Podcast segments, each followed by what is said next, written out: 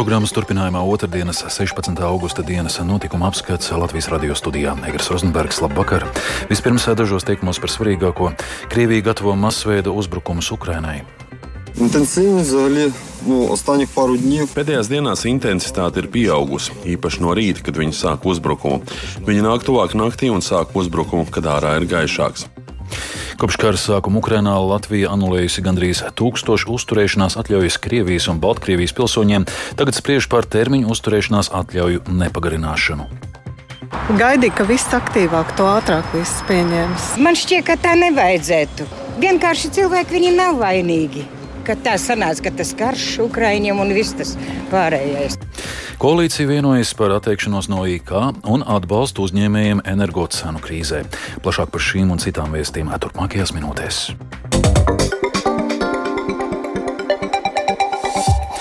Krievijas anektēto Krīmas pussalu šorīt satricinājuši kārtējie sprādzieni. Tajos iznīcināta liela Krievijas munīcijas noliktava un nodarīta postījumi dzelzceļam. Ukrainas parlamenta deputāts Oleksijs Hončarenko izteicies, ka sākot ar šodienu dzelzceļa satiksme starp Krīmu un kontinentālo Ukrainu vairs nepastāv. Ukrainas puse informē, ka šis ir bijis Ukrainas bruņoto spēku dots trieciens. Vairāk sprādzieni dienas laikā nogranduši arī militārās aviobāzes teritorijā Simferopolis rajonā.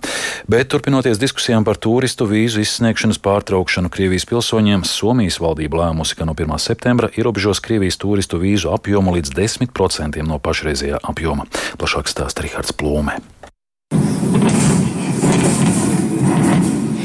Kļuvis zināms, ka sprādzienos Krimā nodarīti postījumi elektropārvades apakšstacijai un iznīcināta liela Krievijas munīcijas noliktava, kā arī nodarīti postījumi dzelzceļam Džankojas rajonā.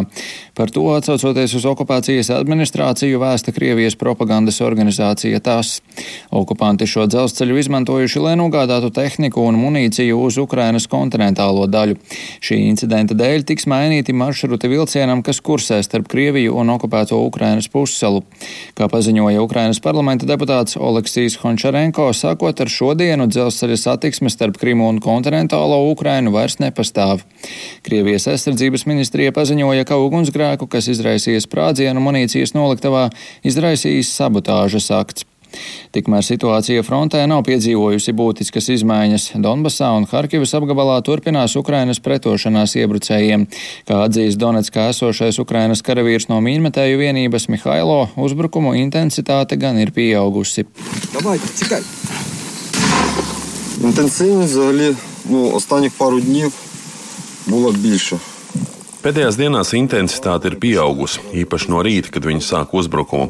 Viņi nāk tuvāk naktī un sāk uzbrukumu, kad ārā ir gaišāks. Mēs saņemam koordinācijas, kur un cik daudz viņi ir, un sākam darbu, lai piesaktu mūsu kājniekus. Viņi haotiski šauj, bet mēs cenšamies precīzi trāpīt mērķī, lai bez iemesla neatklātu savu pozīciju un neizniekotu munīciju. Gaidām precīzas koordinācijas. Ні, Bet turpinoties diskusijām par turistu vīzu izsniegšanas pārtraukšanu Krievijas pilsoņiem, šo jautājumu pirmdien pārunājuši arī piecu Ziemeļvalstu premjeri, tomēr viņiem nebija vienotas nostājas šajā jautājumā. Tomēr tieši iebildumi neizskanēja. Savukārt Somijas valdība lēmusi, ka no 1. septembra ierobežos Krievijas turistu vīzu apjomu līdz 10% no pašreizējā apjoma. Kā skaidroja Somijas ārlietu ministrs Pekka Hāvisto, turistu vīzas no Krievijas tiks ierobežotas, ierobežojot atvēlēto darba laiku, kurā turisma vīzu pieteikums pieteikumi tiks pieņemti, jo tieši aizliegums pilsonības dēļ nav iespējams. Pašlaik Somija apstrādā aptuveni tūkstošu Krievijas vīzu pieteikumu dienā. Tikmēr Latvijas aizsardzības ministrija norādījusi, ka Ukrainai piegādājusi sešas pašgājēju haubices un tām paredzēto munīciju. Ukrainas gaisa spēki nu pat saņēma arī četrus Latvijas dāvinātus helikopterus. Ukrainas aizsardzības ministrs Oleksijas Reznikovs norādījis, ka Latvijas piegādātās haubices jau tiek izmantotas kaujās. Tikmēr Latvijas aizsardzības ministrijas parlamentārā sekretāre Baiva Bļodniece no attīstībai par Twitterī atzinusi, ka saņem jautājumus par to, vai pēc šiem dāvinājumiem pašiem vēl ir ar ko aizsargāt savu valsti valsti vajadzības gadījumā. Viņa raksta, ka armija tiek modernizēta ar jaunākās paudzes ieročiem pēc attīstības plāna. Līdz šī gada beigām esot paredzēts saņemt divus Black Hawk jaunākās paudzes helikopterus un notiek sarunas ar sabiedrotajiem par papildus helikopteru piegādi mūsu gaisa spēkiem jau tuvākajā laikā. Pastāvīgi tiek iegādātas arī haubices un vienlaikus līdz 2025. gadam paredzēts iegādāties Haimars sistēmas. Rihards Plūme, Latvijas radio. Igaunijas varas iestādes šodien demontējušas pieminekli padomju tankam T-34, kas vairāk nekā 40 gadus atradās ziemeļrietumu pilsētas Nārvas pievārtē. To turpmāk varēs apskatīt Igaunijas kara muzejā, kas atrodas netālu no galvaspilsētas Tallinas. Neraugoties uz asajām diskusijām, pirms pieminekļa aizvākšanas tanka pārvietošana norisinājusies bez nopietniem starpgadījumiem, turpina Uldis Česberis. Igaunijas valdība par Nārvas pieminekļa aizvākšanu vienojās ārkārtas sanāksmē šodien agri no rīta, bet jau pulksten septiņos sākās tanka demontāža, kas noslēdzās neilgi pirms pusdienlaika. Pēc tam pieminekli nogādāja Vīmsi pussalā, kur atrodas Igaunijas kara muzejs. Igaunijas premjerministre Kaja Kallasa valdības un varas iestāžu steigu pamatoja ar nepieciešamību nodrošināt valsts iekšējo un ārējo drošību un stabilitāti. Viņa sacīja, ka nedrīkst dot Krievijai iespēju izmantot Igaunijas pagātni, lai pilnībā sašķeltu sabiedrību. Kallasa uzsvēra, ka Nārvas tanka piemineklis ir tikai viens no vairākiem desmitiem padomju varu slavinošajiem pieminekļiem, kurus tuvākajā laikā demontēs visā Igaunijā. Pārsvarā krievalodīgo apdzīvotajā Narvā valdošā partiju koalīcija pagājušajā nedēļā vienojās par tanka aizvākšanu, kas izraisīja daudzu vietējo iedzīvotāju neapmierinātību.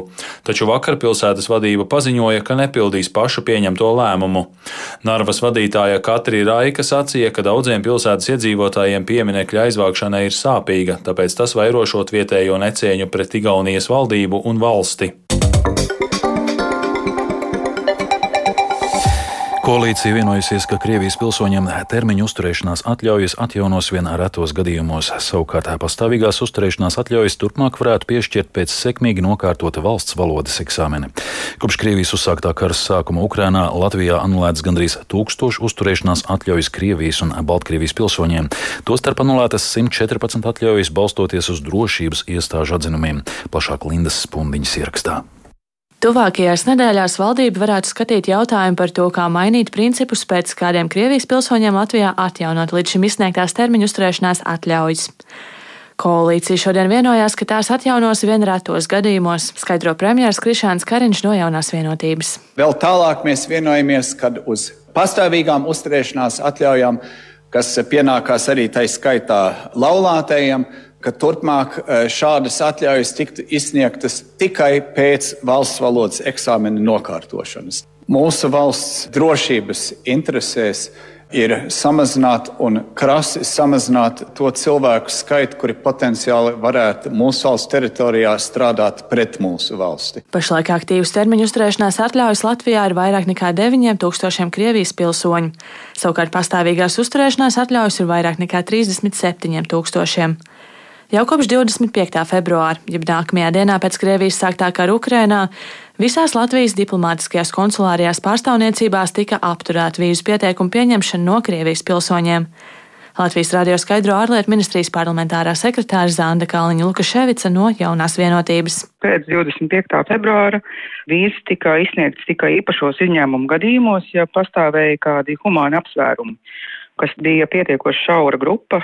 Mēs runājam par tuvu radinieka smagu slimību vai bērēm, vai arī tiešā personas apdraudējuma gadījumā. Un kopš 4. augusta tiek pieņemts vīzu pieteikumi tikai dalībās tuvu radinieku bērēs. Viņa norāda, ka Baltijas valstis, tostarp Čehija, strādā pie tā, lai Eiropas līmenī varētu pieņemt lēmumu neizsniegt turista vīzas Krievijas pilsoņiem iebraukšanai Eiropas Savienībā. Par to augusta beigās Eiropas Savienības ārlietu ministri varētu diskutēt.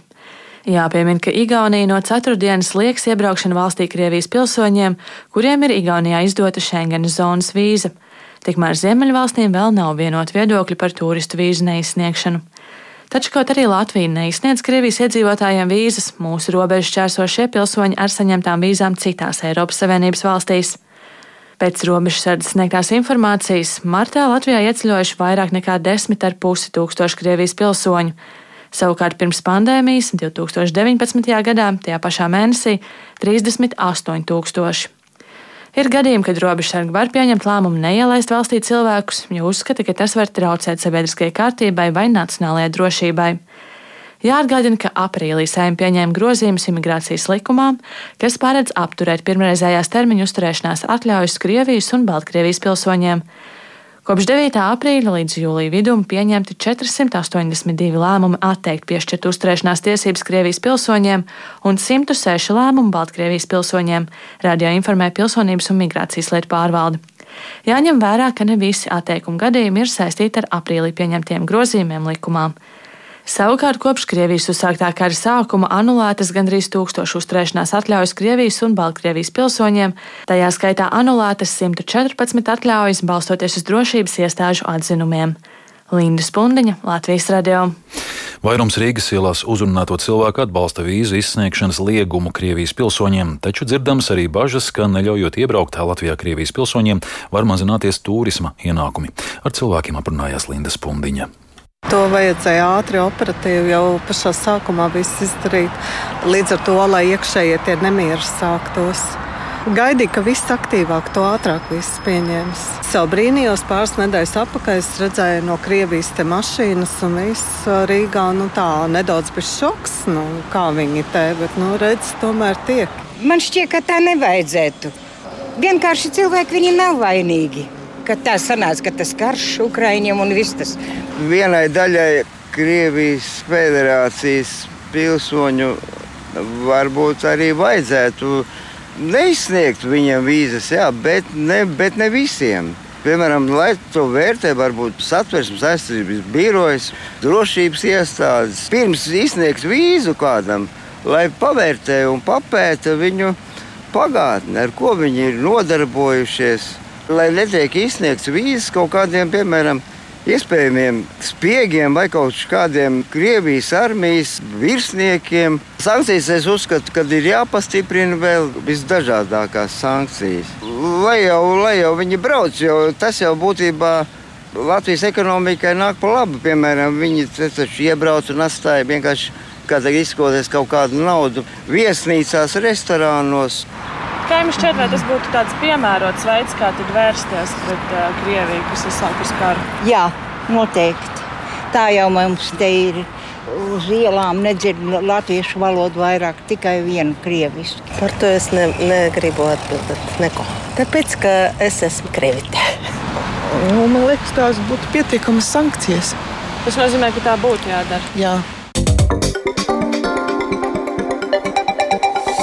Valdību veidojošās partijas vienojušās par pilnīgu atteikšanos no obligātā iepirkuma komponentes gan privātpersonām, gan juridiskām personām. Tāpat koalīcija vienojusies par atbalstu uzņēmumiem energocenu krīzē. Tas varētu izmaksāt līdz 200 miljoniem eiro. Šo plānu valdība detalizēti varētu skatīt augusta beigās, vairāk Jāņa Kinča sagatavotajā ierakstā. Lai turpmākajos mēnešos nāktu tālāk uzņēmējiem konkurētspējas saglabāšanai inflācijas apstākļos, ministrijas piedāvā konkrētus atbalsta pasākumus. Paredzēts līdz 2023. gada beigām rosināt pilnīgu atteikšanos no obligātā iepirkuma komponentes un pilnībā kompensēt sadalas tarifu izmaksas. Tāpat turpinās vēl citu atbalsta pasākumu sagatavošana energointensīviem uzņēmumiem, tiem, kam izdevumi par energoresursiem veido vismaz 10% no kopējām izmaksām. Latvijas radio skaidroja ekonomikas ministrs Ilza Indriksona no Nacionālās apvienības. Energointensīvo uzņēmumu atbalsts faktiski ir Eiropas komisijas noteiktajā, kā saka, regulējumā paredzēts, ko valsts drīkst darīt. Un tur mēs, protams, izstrādāsim tos nosacījumus atbilstoši mūsu ekonomiskajai situācijai, mūsu uzņēmējdarbības videi atbilstoši. Varētu teikt, īstermiņā atbalstīsim uzņēmumus, lai pārvarētu šo krīzi, bet, protams, sagaidot no viņiem pārkārtošanos, lai energoresursu cenu dārdzības, kas nav paredzams, ka viņi ļoti strauji kritīsies un atpakaļ uz to sākotnējo līmeni noteikti nekritīsies. Nākamā sezonā jau būtu konkurētspējīga arī bez valsts atbalsta, tāpēc valsts nāks palīgā īstermiņā, lai viņi paspētu pārkārtoties. Plānotā atbalsta pasākuma programma uzņēmējiem līdzinās tai, kas bija spēkā arī Covid-19 ierobežojumu laikā. Šie pasākumi virzīti ar mērķi nepieļaut lielu bezdarbu un ekonomikas ieslīgšanu recesijā, uzsvērts finanšu ministrs Jānis Rērs no jaunās vienotības. Vienlaikus atbildīgās ministrijas gatavos vēl arī citus atbalsta pasākumus uzņēmēju konkurētspējas saglabāšanai, tāpēc par kopējām izmaksām no valsts maka vēl runāts netiek. Piedāvātie priešlikumi apspriest arī tautsaimniecības padomē. Latvijas Tirniecības un Rūpniecības kameras prezidents Aigars Rostovskis vērtē, ka esošajos apstākļos šie pasākumi ir neatliekami, taču negatīvi, ka tos īstenos pamatā no aizņemtas naudas. Ne, viss jau ir pareizi, bet es saku, nu, tie plāksti ir tiek lipināti vienkārši aizbarot to ciet ar naudu, bet tā nauda ir aizņemta nauda, kas mums kā sabiedrībai tas būs vienkārši jāatmaksā. Vai caur lielākiem nodokļiem, vai kaut kādu ar mazākām algām. Nu, tas ir tas stāsts. Jā. Nu, tas, Ekonomikas ministrija vairāk kārt uzsvērus, ka gaidāmajā apkuras sezonā resursu mājokļu apkurē pietikšot. Uzņēmēji pārstāvi seko līdzi, lai gāzes, koksnes un elektrības resursi pietiktu arī ražotājiem, turklāt par cenām, kas gala produktu izmaksas saglabātu konkurētspējīgas. Šī problemātika būtu mazāka, ja lēmumi enerģetikā būtu bijuši pārdomātāki, tostarp par pašmāju energoresursu izmantošanu, kritiski novērtēja Rostovskis. Mēs arī, nu, mēs kā sabiedrība bijām uzsēdināti vai uzsēdušies uz, uz Krievijas lēta energoresursu, mūs pieredināja vai, vai nolobēja, nu, sauc kā gribi. Ja? Tā vietā mums vajadzēja jau saulēcīgi. Mums ir kaudze pašiem savu resursu, ūdens, tagad nāk tehnoloģijas, vējš, ja? koksnes, saule, kūdra, viss kaut kas mums ir. Ja? Nu, un otrs ir tas, kā dara šīs attīstītās valsts, ka arī mājsaimniecību līmenī un uzņēmumu līmenī var ražot e, šo enerģiju, barot pats sevi, un, ja paliek pāri, var dot tīklā iekšā. Bet tam ir vajadzīga cita pieeja, jā, tagad mēs pareizi darām, mēs lecam uz to decentralizēto, bet tas ir izdarīts pa vēlu. Mēs vienkārši par to visu kā sabiedrība samaksājam. Valdības solītos atbalsta pasākums uzņēmumiem varētu apstiprināt sēdē augusta beigās. Jānis Kincis, Latvijas Radio. Konkurences padome atklājusi trīs būvu uzņēmumu aizliegtu vienošanos par dalības nosacījumiem kādā privātā iepirkumā. Uzņēmumiem piemērota soda nauda par 234 tūkstošiem eiro. Šis ir pirmais atklātais kartelis privāta pasūtītāja rīkotā iepirkumā. Lietā bija iesaistīts arī pats uzņēmējs, kuram celta jauna ēka, turklāt šim projektam piesaistīta vairāk nekā 700 tūkstoši eiro Eiropas naudas. Latvijas radio pastāstīja konkurences padomis aizliegtu vienošanos departamenta direktori Ieva Šmite. Aizliegtu vienošanos veikuši trīs trīs uzņēmumi - Korobūve, Tavs laikmets un PK servis. Es neteiktu, ka visiem viņiem ir pamatnodarbošanās veids tieši ēku būvniecība. Šajā gadījumā mēs konstatējām, ka ir šis iepriekš sarunātais uzvarētājs, un tie divi uzņēmumi iet tikai kā aizsega piedāvājumu iesniedzēji. Kā šī vienošanās ir notikusi? Tas ir viens iepirkums, kas tika realizēts 16. gadā. Tas ir iepirkums, kuru, teiksim, pirmšķietamā šīs pazīmes atklāja arī Eiropas Savienības struktūra fondu auditori no Finanšu ministrijas. 21. gadā konkurences padoma arī attīstīja savu izmeklēšanu, uzsāka lietu un faktiski 4. augustā tika arī pieņemts lēmums un konstatēts šis pārkāpums. Mēs realizējām un pierādījām ne tikai šo aizliegto vienošanos, kas ir konkurences tiesību pārkāpums, bet mēs arī saskatījām tādu negodprātīgu rīcību no paša pasūtītāja, šī privātā pasūtītāja rīcību, tur, kur viņš bija novienojies ar šo iepriekš sarunāto uzvarētāju par šī te fonda piesaistu un faktiski šo te fiktīvo konkursu kā tādu. Un ņemot vērā šo te aspektu, konkurences padome šo te daļu kompetenci par pasūtītāju iespējamo negodprātīgo šo fondu līdzekļu apgūšanu nodeva tālākai izpētai Eiropas prokuratūrai, kas arī veiksmīgi uzsāka kriminālu procesu pret, pret atsevišķām amatpersonām no šī konkrētā uzņēmuma. Šo naudu tad būs jāatmaksā, būs kaut kādi sodi? Uh, Šajā gadījumā ir pat uh, vēl labāks scenārijs, kā varēja iedomāties, ja tā var izteikties, jo uzsākot šo kriminālu procesu pret konkrētajām amatpersonām, uh, cik es saprotu, tad uh, konkrētais uzņēmums, uh, ņemot vērā tiešām šo ierosināto kriminālu procesu, ir šo naudas uh, atmaksājis jo tas krimināla procesā var tikt vērtēts arī kā atbildība mīkstinošs apstākļus. Tie noteikumi absolūti neatšķirās, vai tas ir privāti organizēts pasu, teiksim, iepirkums vai publiskais iepirkums. Noteikumi ir vienādi. Konkurences padomjas aizliegtu vienošanos departamenta direktori Ievu Šmiti izjautāja Lauris Zvejnieks. Ekonomisko lietu tiesa būvnieku karteļa lietā atzinusi, ka būvfirmai vēl jāatlīdzina Rīgas domē vairāk nekā 3 miljonu eiro par sadārdzinātiem būvprojektiem iepirkumos. Pirmās instances tiesa pašvaldības prasību apmierinājusi daļēji. 700 tūkstošu eiro apmērā spriedums domē bija negatīvs. Tā iespējams šajā daļā spriedumu pārsūdzēs. Rīgas mērs Mārtiņš Staķis no pār progresīvo frakcijas aicina vēl visu spriedumu nepārsūdzēt, būvnieks gan paziņojis, ka spriedumu pārsūdzēs. Un attiecībā par citiem šajā būvnieku kartelī iesaistītiem uzņēmumiem es gribu teikt, ka mēs darīsim visu, lai atgūtu visu līdz pēdējiem centam, ko Rīgas doma ir pārmaksājusi šajos pasūtījumos. Arī par to summu, kas mums ir pielikta kā nu, šī finanšu korekcija. Un mēs būsim gatavi vērsties tiesā pret katru no tiem, ja būs tāda nepieciešamība. Un šodienas tiesas lēmums mums eh, dod nu, iemeslu ticībai un cerībai, ka taisnīgums tiks atjaunots un pārmestātās summas tiks atgūtas.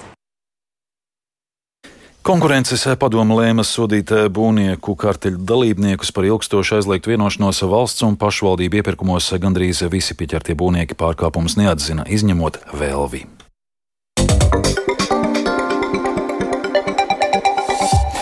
Līdzīgi kā lauksemnieki rudenī svin ražas svētkus, Jelgavas novada Lielplatones muīžas ļaudis aktīvās turisma sezonas noslēguma tošanos jau ceturto gadu atzīmēs ar muīžas svētkiem. Pāris gadsimtus senā Lielplatones muīža piedzīvojusi dažādus laikus, bet pēdējos četrus gadus, kopš atjaunots vēsturiskais vešūzis, tā kļūst par iecienītu turisma vietu. Lielplatones muīžā viesojās RTV žurnāliste Sandra Leitāne.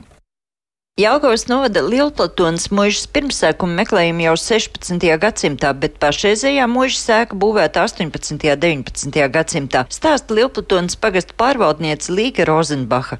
Šī ēka ir bijusi no koka. Un tad ir būvēta, pārbūvēta un, un, un izveidota tāda, kāda viņa ir šobrīd. Padomgados bija Lopkopijas izmēģinājuma stacija ar savu kantori. Tad bija arī pamatskola, bet tas īpašais stāsts, manuprāt, ir, ka šī ēka nekad nav stāvējusi tukša. Tagad mūža ir turisma objekts, kuru gadā apmeklē ap 3000 interesantu. Lielpatons mūžas turisma punktu vadītāja Ingūna Pranka stāsta, ka šodien mūžas ļaudis gatavojoties jau ceturtajiem mūžas svētkiem. Ja mēs runājam par to, ko mūžas svētkos var piedzīvot visu gadu griezumā, tad pavisam noteikti tas ir kāds vietējo labumu tirdziņš, visam noteikti arī kādas radošās darbnīcas. Parasti cenšamies mūža svētkus noslēgt arī ar kādu koncertu. Un kas gan tie būtu par svētkiem, ja tajos dalību neņemtu mūžas svešarienes? Kā jau īstā mūžā pieklājas Lielplatonē pirms četriem gadiem atjaunots arī vešūzes, kas tagad kļuvis teju par Lielplatonas vizītkarti. Arī šodien mūs sagaida vešariene Ināra Kalniņa, kura labprāt pastāst un parāda, kā tad smalkā vešiņa pirms pāris gadsimtiem tapusi tīra. Nu, tajā laikā veļu nemazgāja tā, kā mēs te katru dienu iemetam veļas mašīnā. Tas bija sezonas darbs. Sākās agri pavasarī un beidzās vēl rudenī. Pa ziemu tika veļa salikta lielās kauzēs, un tad pavasarī šķirota, kas ir palagi, kas galdauts servetes un tā tālāk veļā. Pa ziemu tikai baroniem mazgāja apakšveļu, kādu gultas veļu, kādu dvielīti. Tā kā viss mazgāšana notika vasarā. Vešeriena Ināra atklāja, ka tas nav bijis viegls darbs ne toreiz, ne arī tagad. Mēs veicam paraugu demonstrējumus, tā teikt, bet principā Veļa tika sārmu ūdenī mērcēta dienu, nu, diennakti apmēram dienu. Un tad nesa viņu vārīt. Tāpat sāram ūdenī, vešarieniem jau rokas bija noberstas jēlas. Sīžets veidots pēc Latvijas radio pasūtījuma Sandra Leitāne, RTV. Dzirdējāt 16. augusta dienas notikuma apskatu programmas producents Viktors Pupiks, par skanējumu rūpējās Mārtiņš Paeglis un Krišjānis Stikāns. Studijā Egars Rozenbergs vēlreiz par svarīgāko. Krievija gatavo masveida uzbrukumus Ukrainai. Kopš kara sākuma Ukrainā Latvija anulējusi gandrīz tūkstošu uzturēšanās atļaujas Krievijas un Baltkrievijas pilsoņiem, tagad spriež par termiņu uzturēšanās atļauju nepagarināšanu. Koalīcija vienojas par atteikšanos no OIK un atbalstu uzņēmējiem energocenu krīzē. Mūsu ziņā var sekot līdzi arī Latvijas Radio 1 Facebook lapā un LSMLV. Raidījuma atkārtojums meklējams raidierakstu platformā kā dienas ziņas un Latvijas radio lietotnē. Mūs, mūs var klausīties savā vietā, runī, jebkurā laikā un jebkurā vietā. Yeah.